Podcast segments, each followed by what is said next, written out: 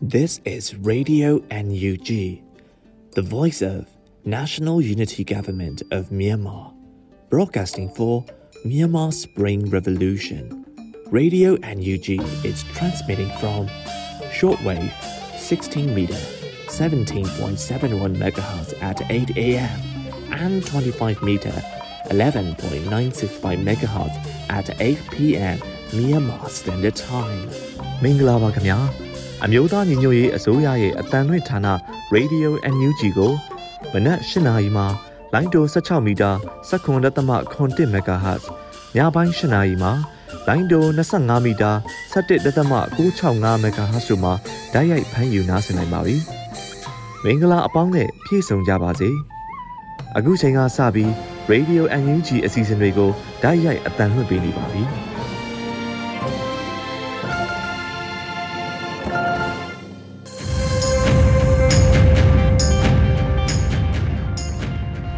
မြန်မာနိုင်ငံသူနိုင်ငံသားအပေါင်းတဘာဝဘေးစစ်အာဏာရှင်ဘေးတို့ကနေကင်းဝေးပြီး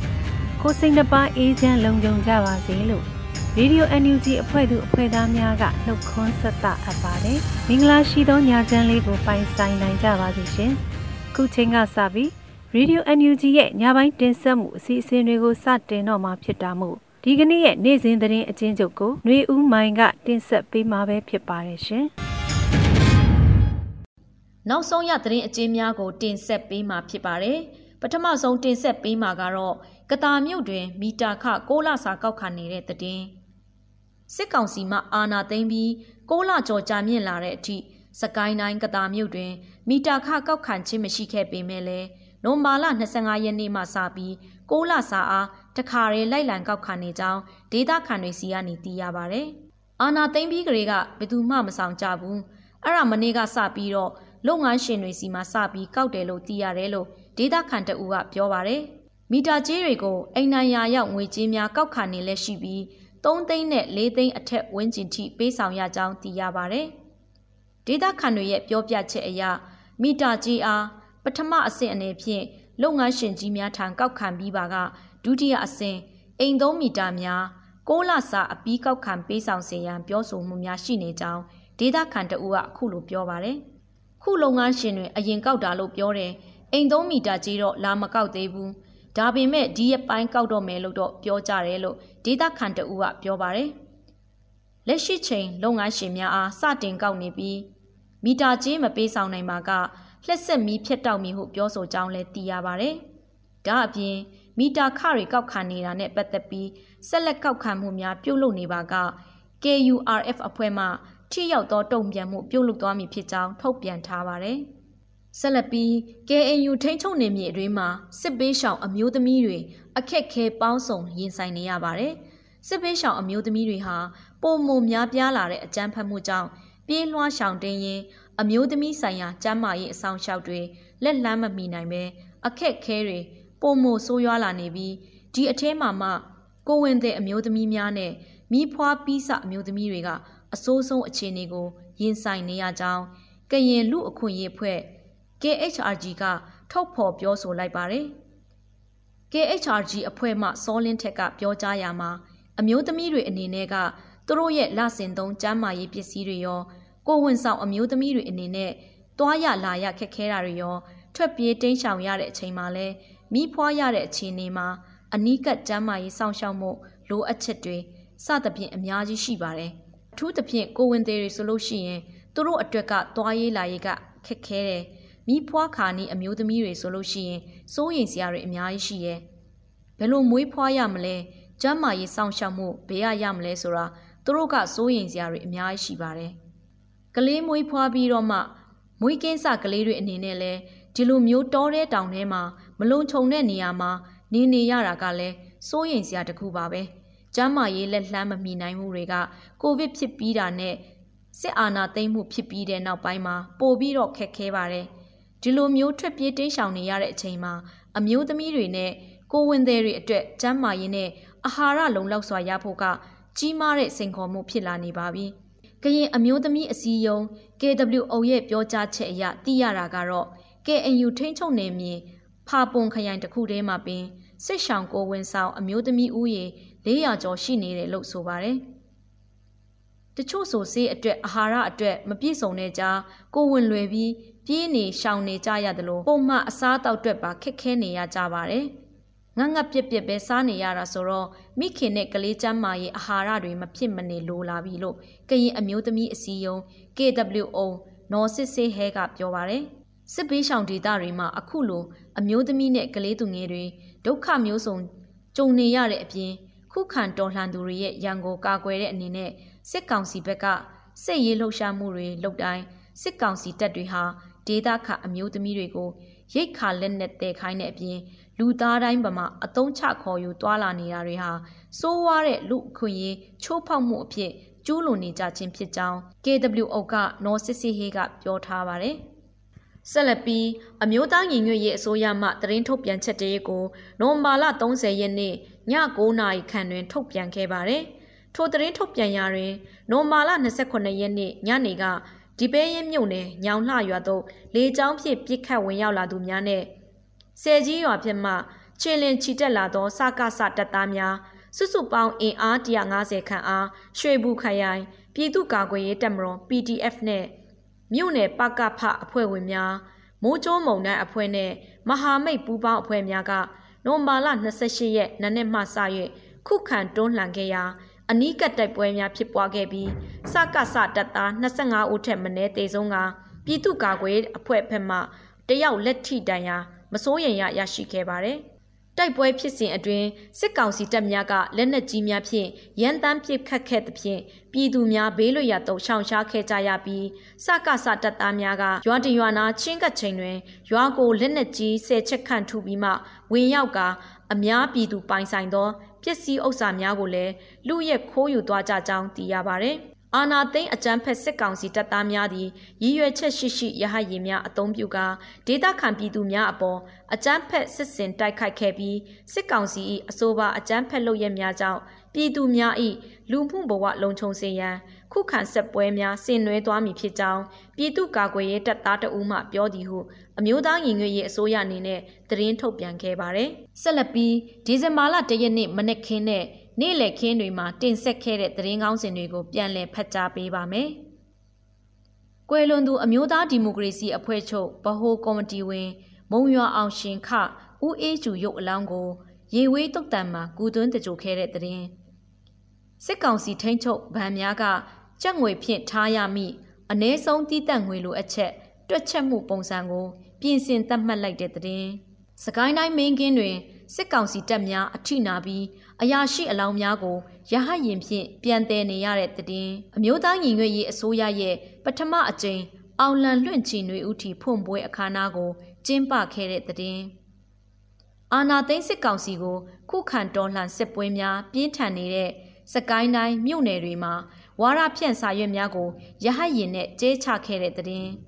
တရုတ်မြန်မာနေဆက်တွင်မြန်မာဖျဲသည် ကိုဗစ်ရှိမရှိစစ်ဆေးခံနေရပြီးခဲရင်စွာတင်ဖို့ရောင်းချနေရတဲ့တဲ့င်း။နိုဝင်ဘာလ30ရက်နေ့မှာအမျိုးသားညီညွတ်ရေးအစိုးရကပုံမှန်အစည်းအဝေးကို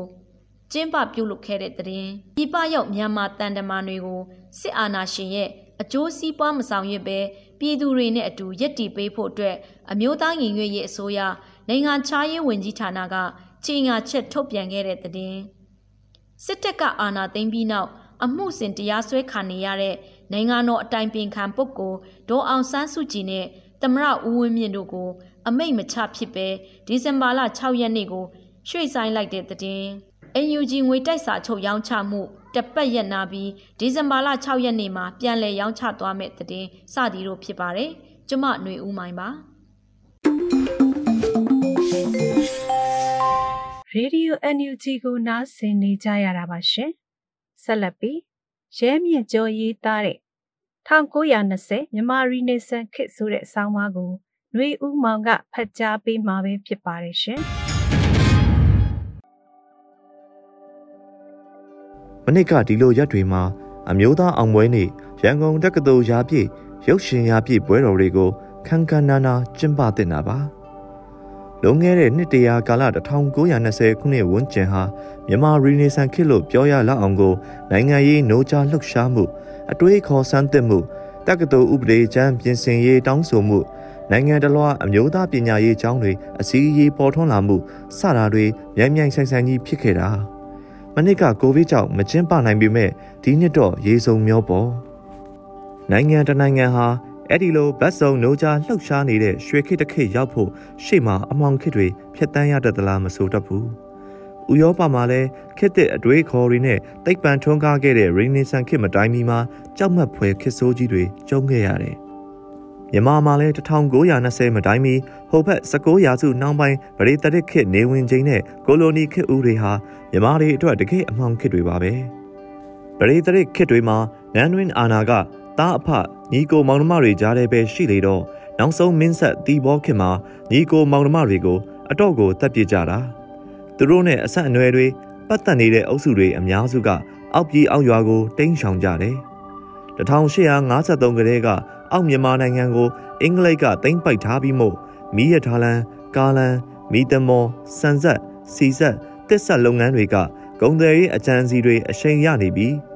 အထက်အညာမိသားစုတွေဟာလုံခြုံရေးနဲ့စားဝတ်နေရေးအတွက်အောက်ဘက်ကိုလှိုင်းလုံးတပွဲရွှေ့ပြောင်းလာတယ်။ပါတော်မူသွားကလေးကအင်္ဂလိပ်ကိုဒေတာပေါင်းစုံမှာထကြွဒေါ်လန်ခဲ့ကြတာကတရက်ကဘိုးဆွဲမင်းလာနယ်ဘိုးကြားနက်မောက်ဘုံမင်းရောင်မင်းဘူးဘိုးဥတ္တမငင်းချံဘိုးချိုးပုတ်ပါဘိုးနဲ့ကျော်ရွှေဘိုးထိတ်တင်မှတ်ဝန်းတိုစော်ဘွားဦးအောင်မြတ်မန်းအောင်ဘိုးသိန်းရမ်းပြဲဘိုးချမ်းစတဲ့မျိုးချစ်သူရဲကောင်းတွေပါ။ ဒါပေမဲ့သူတို့ရဲ့တော်လှန်မှုတွေက10နှစ်လောက်ပဲကြာခဲ့တယ်။တကယ်ခင်မီတော်လှန်ရေးက1920ဝန်းကျင်မှစတယ်လို့ဦးသိန်းဖေမြင့်ဆရာဗမော်အောင်တင်အပါအဝင်နောက်ပိုင်းနိုင်ငံရေးသမားတွေပညာရှင်တွေကသုံးသပ်ပါတယ်။အဲ့ဒီအမြင့်ကျဲနိုးကြမှုကာလရောက်ဖို့ရှေ့မှာဘာသာရေးအသင်းဖွဲ့တွေဘာသာရေးကျောင်းတွေနဲ့အစပြုခဲ့ရတာတွေရှိပါတယ်။ကံကောင်းတာတစ်ခုက ဝီတိုရီယာဘီယင်မကဗြိတိရှအင်ပါယာအတွင်းမိမိယုံကြည်ရာဘာသာလွတ်လပ်စွာကိုးကွယ်ခွင့်ရှိတယ်လို့1858ခရဲကကြေညာချက်ရှိနေလို့ဘာသာရေးအသင်းဖွဲ့ပေါင်းစုံထူထောင်ခွင့်ရတယ်။1906မှာရန်ကုန်ကောလိပ်ကျောင်းသားတစုက YMCA အသင်းပုံစံမျိုး YMBA ကိုစထောင်တယ်။အသင်းကွက်တွေတနိုင်ငံလုံးအနှံ့ရှိလာပြီး1912ခုနှစ်မှာ YMBA အသင်းချုပ်ညီလာခံကျင်းပခဲ့တယ်။ 1918မှာ YMBA ကဘာသာရေးပညာရေးလောက်တင်မကပဲနိုင်ငံအုပ်ချုပ်ရေးပြုပြင်ပေးဖို့ထိအရေးဆိုခဲ့တယ်။မြန်မာနိုင်ငံကိုအိန္ဒိယမှခွဲထုတ်ပေးဖို့ Dominion Home Rule အဆင့်ပေးဖို့တွေတောင်းဆိုလာတယ်။1918မှာဆေယာတော်ဦးဥတ္တမမြန်မာပြည်ပြန်ကြွလာပြီးအင်္ဂလိပ်အစိုးရစန့်ကျင်ရေးရဲရဲတောက်တရားတွေဟောတယ်။အစပိုင်းဖမ်းမာကြောက်လို့နားထောင်သူ10ဦးလောက်သာရှိပေမဲ့နောက်ပိုင်းမြို့ရွာအနှံ့ကပင့်ဖိတ်လာတယ်။ နောက်ဂျပန်ကရုရှားကိုစစ်နိုင်လိုက်တာရဲ့ပထမကမ္ဘာစစ်ရဲ့ရုရှားတော်လှန်ရေးတို့ရဲ့ကြောင့်မြန်မာလူထုတွေမှာအသည့်အမြင်တိုးတက်နှိုးချနေတယ်။1920မြန်မာနိုင်ငံမှာနိုင်ငံရေးတောင်းဆိုမှုပညာရေးတောင်းဆိုမှုဝန်တာနုတရားစောင့်ထိန်မှုအသင်းဖွဲ့တွေခြေချင်းလိန်အောင်ပါပဲ။1920ဒီဇင်ဘာ၁ရက်မှာရန်ကုန်တက္ကသိုလ်ပေါ်ပေါက်လာတယ်။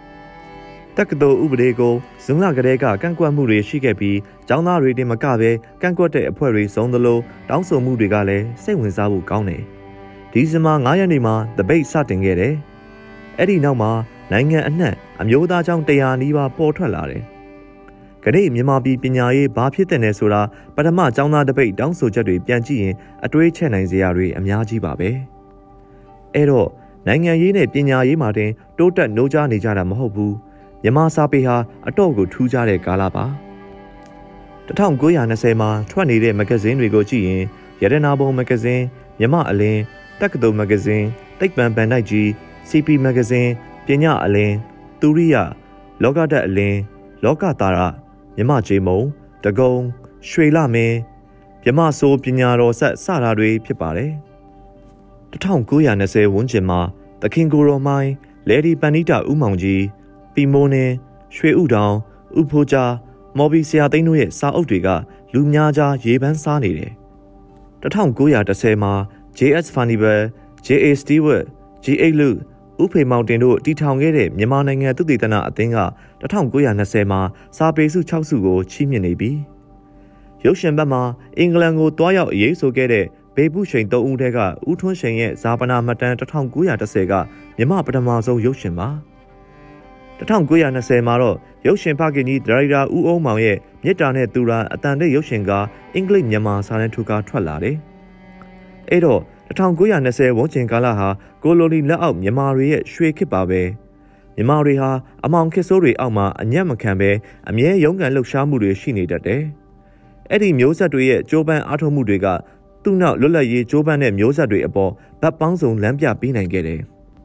တကယ်ဆိုရင် ဒီနှစ်တရားတစ်နှစ်ပြည့်မှာလဲအဲ့ဒီရှေးလူကြီးတွေကိုအသေးချာဂုံပြုတင်တာပါ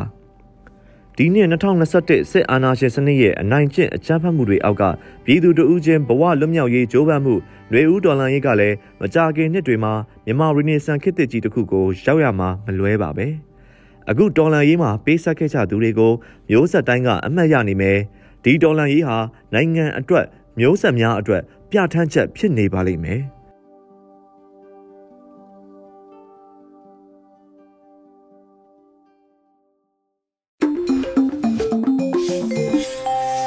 Radio NUG ရဲ့တော်လိုင်းရေးဒေဂီတအစီအစဉ်မှာနေဖုံးရဲ့ဒီမိုကရေစီရဲဘော်ဆိုတဲ့တိတ်တချင်းကိုနားဆင်ကြရပါမယ်ရှင်။။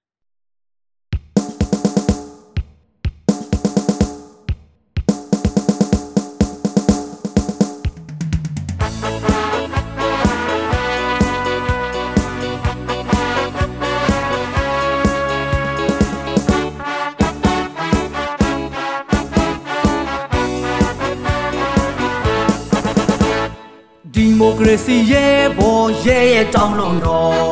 အာဏာရှင်ကိုပြုတ်စော်ပဲကြီးမဲကြီးနော်ဆွဲနှပဲမှာဆွဲမြဲကပြည်သူတွက်ပေးစပြောဒီမိုကရေစီချစ်တဲ့တို့ရဲ့ဘောဒီမိုကရေစီရဲ့ဘောရဲရဲ့တောင်းလုံးတော့အာဏာရှင်ကိုပြုတ်စော်ပဲကြီးမဲကြီးနော်ဆွဲနှပဲမှာဆွဲမြဲကပြည်သူတွက်ပေးစပြောဒီမိုကရေစီချစ်တဲ့တို့ရဲ့ဘော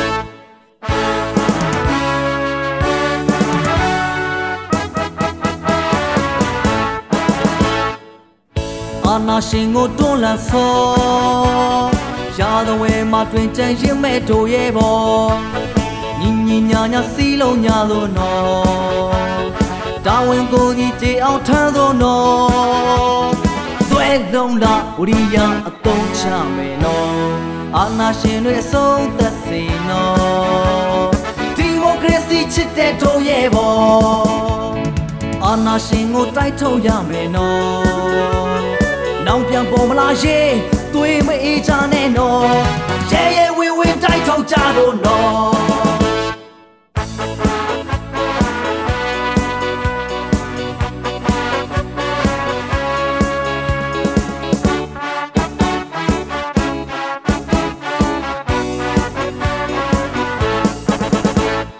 ဒီမိုကရေစီရဲ့ဘောရဲရဲ့တောင်းလို့နော်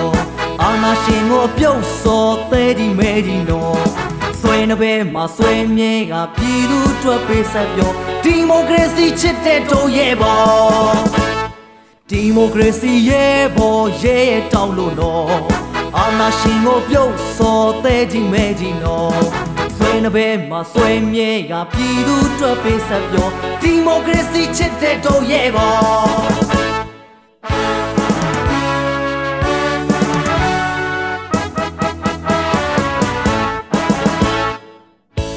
နာရှင်ကိုတွန်းလှန်စော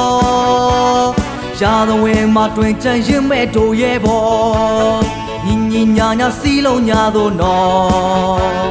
တာဝန်ကိုဒီတေအောင်ထမ်းသို့နော်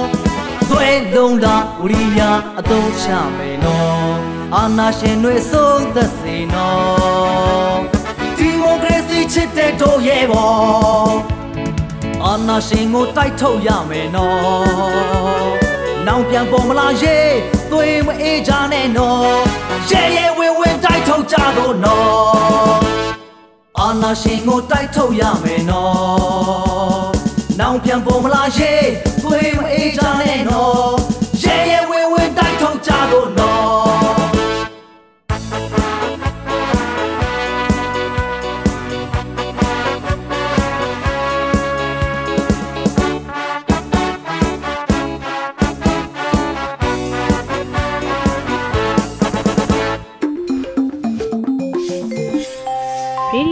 ယို NUG မှတင်ဆက်ပေးနေတာပဲဖြစ်ပါတယ်ရှင်။ဆက်လက်ပြီးတရုတ်ဆောင်များနှင်းရည်လွင်ထွေအုပ်နဲ့မိသက်ဦးစီးဌာနဝန်ထမ်းများရဲ့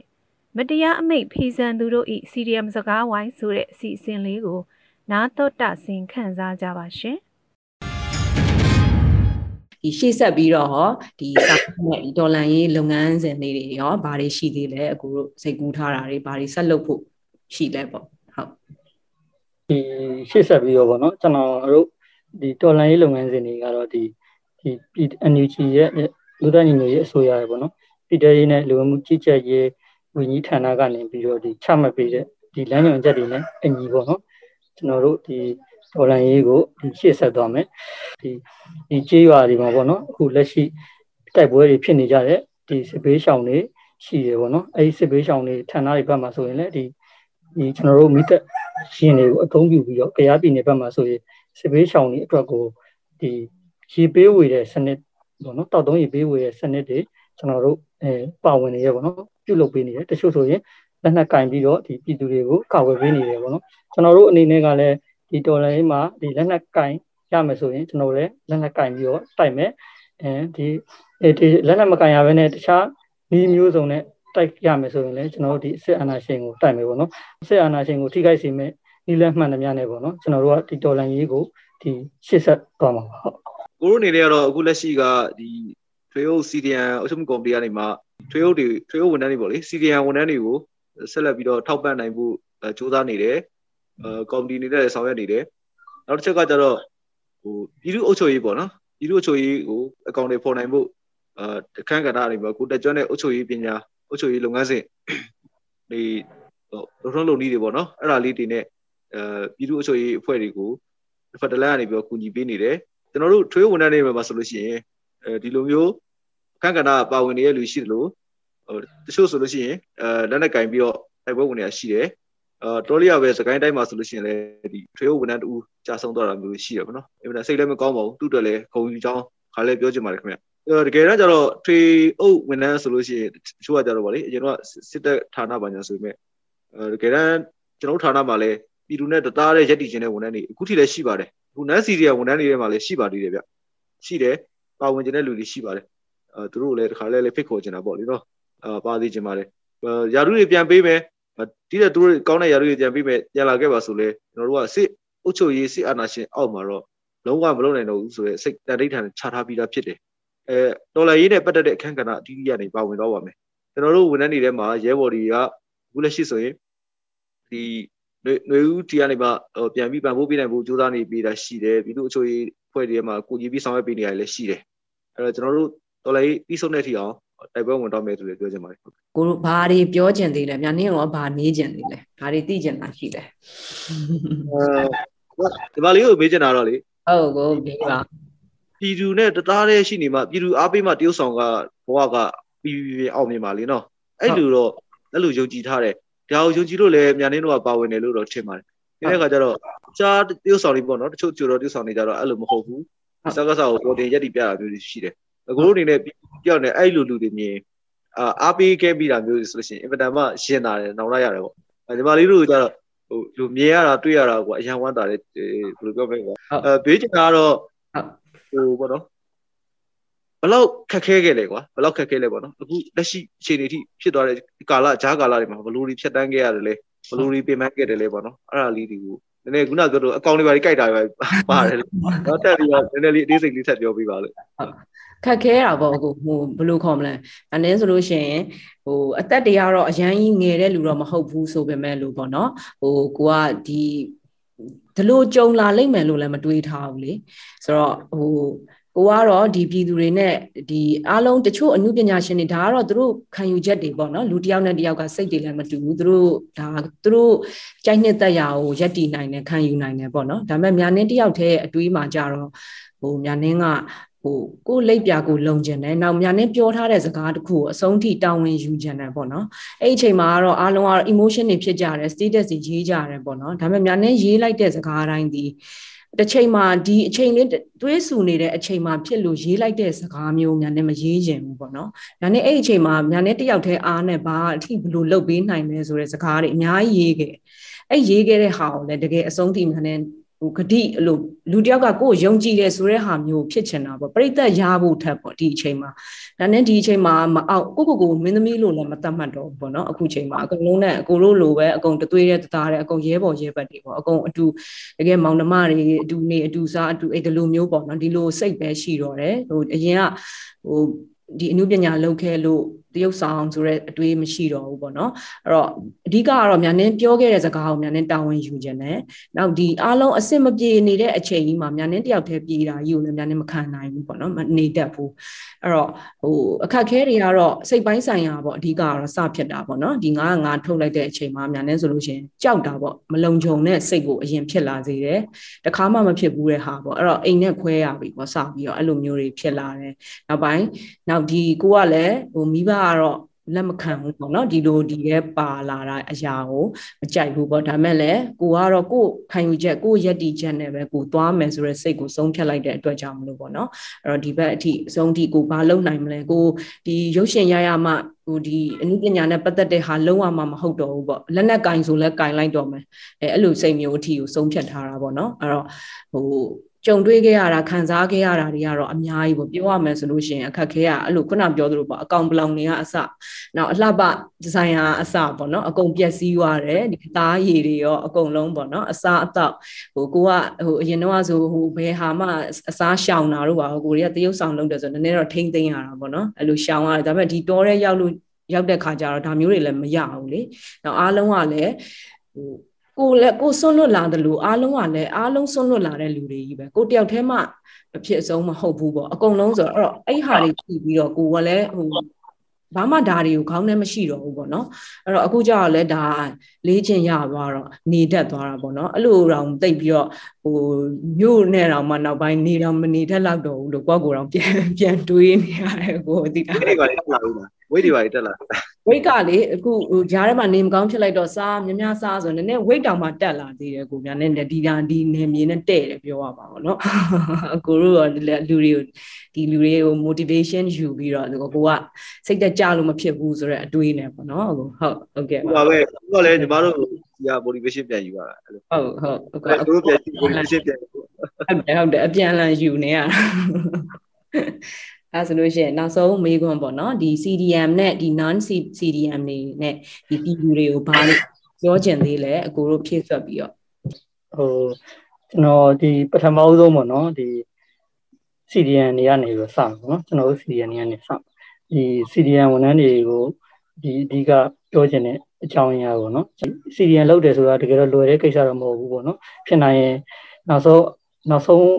အထီတွေးထားတာကဒီအသက်အန္တရာယ်ပါစိုးရင်ရတဲ့အထီပေါ့နော်ရှိလာနိုင်တယ်အတွက်ကြောင့်ဒီအသက်ပေးပြီးတော့ဒီ CDN လောက်ခဲ့လို့အောင်ဆိုလို့ရတယ်အဲအဲ့ဒီအတွက် CDN လောက်ခဲ့တဲ့ဒီသူရဲကောင်းတွေကိုလည်းဒီဒီနေရာကနေလေးစားပါတယ်ဒီကျေးဇူးလည်းတင်ပါတယ်ပေါ့နော်အဓိကအဲ့အဲ့ဒီဟာလေးပြောချင်ပါတယ်အားလုံးကိုဒီဒီပေါ့နော်အကောင်းဆုံးဖြစ်အောင်အသက်နိုင်ဆုံးပေါ့နော်ထောက်ပံ့နိုင်အောင်လို့လည်းကြိုးစားနေပါတယ်ဒီရှေ့ဆက်မယ်ပေါ့နော်အနာဂတ်ဒီဖက်ဒရယ်နိုင်ငံတော်အတွက်ကို ဒီမကြခင်ပေါ့နော်ကျွန်တော်တို့ရောင်နေတွေဒီလင်းလာတော့မယ်အဲ့အတွက်ကြောင့်ကျွန်တော် CDN တွေကိုတော့ဒီအေးအတင်းထားကြပါအောင်လို့ကျွန်တော်ကဒီအဓိကပေါ့နော်ပြောချင်ပါတယ်ပေါ့နော်ဒီပြည်သူကပဲတော်လန်ရေး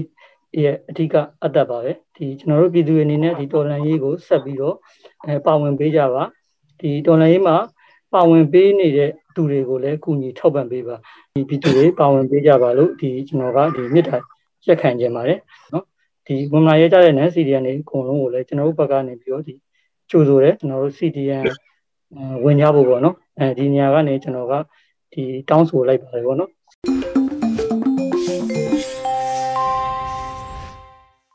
ဒီကနေ့ကတော့ဒီညနေပဲ Radio NUG ရဲ့အစီအစဉ်တွေကိုခਿੱတရနာလိုက်ပါမယ်မြန်မာစံတော်ချိန်မနက်၈နာရီနဲ့ညနေ၈နာရီအချိန်တွေမှာပြန်လည်ဆုံတွေ့ကြပါစို့ Radio NUG ကိုမနက်၈နာရီမှာလိုင်းတို16မီတာ7.3 MHz ညပိုင်း၈နာရီမှာလိုင်းတို25မီတာ17.665 MHz တို့မှာဓာတ်ရိုက်ဖမ်းယူနားဆင်နိုင်ပါပြီမြန်မာနိုင်ငံသူနိုင်ငံသားများကိုစိတ်နှပြကျန်းမာချမ်းသာလို့ဘေးကင်းလုံခြုံကြပါစေလို့ Radio NUG အဖွဲ့သူအဖွဲ့သားများကဆုတောင်းလိုက်ရပါတယ်။အမျိုးသားညီညွတ်ရေးအစိုးရရဲ့စက်သွယ်ရေး တရင်အချက်အလက်နဲ့ဤပညာဝန်ကြီးဌာနကထုတ်လွှင့်နေတဲ့ Radio NUG ဖြစ်ပါတယ်။စံ San Francisco Bay Area အခြေစိုက်မြန်မာမိသားစုများနဲ့နိုင်ငံတကာကစေတနာရှင်များလှုပ်အားပေးများရဲ့ Radio NUG ဖြစ်ပါတယ်။အရေးတော်ပုံအောင်ရမည်။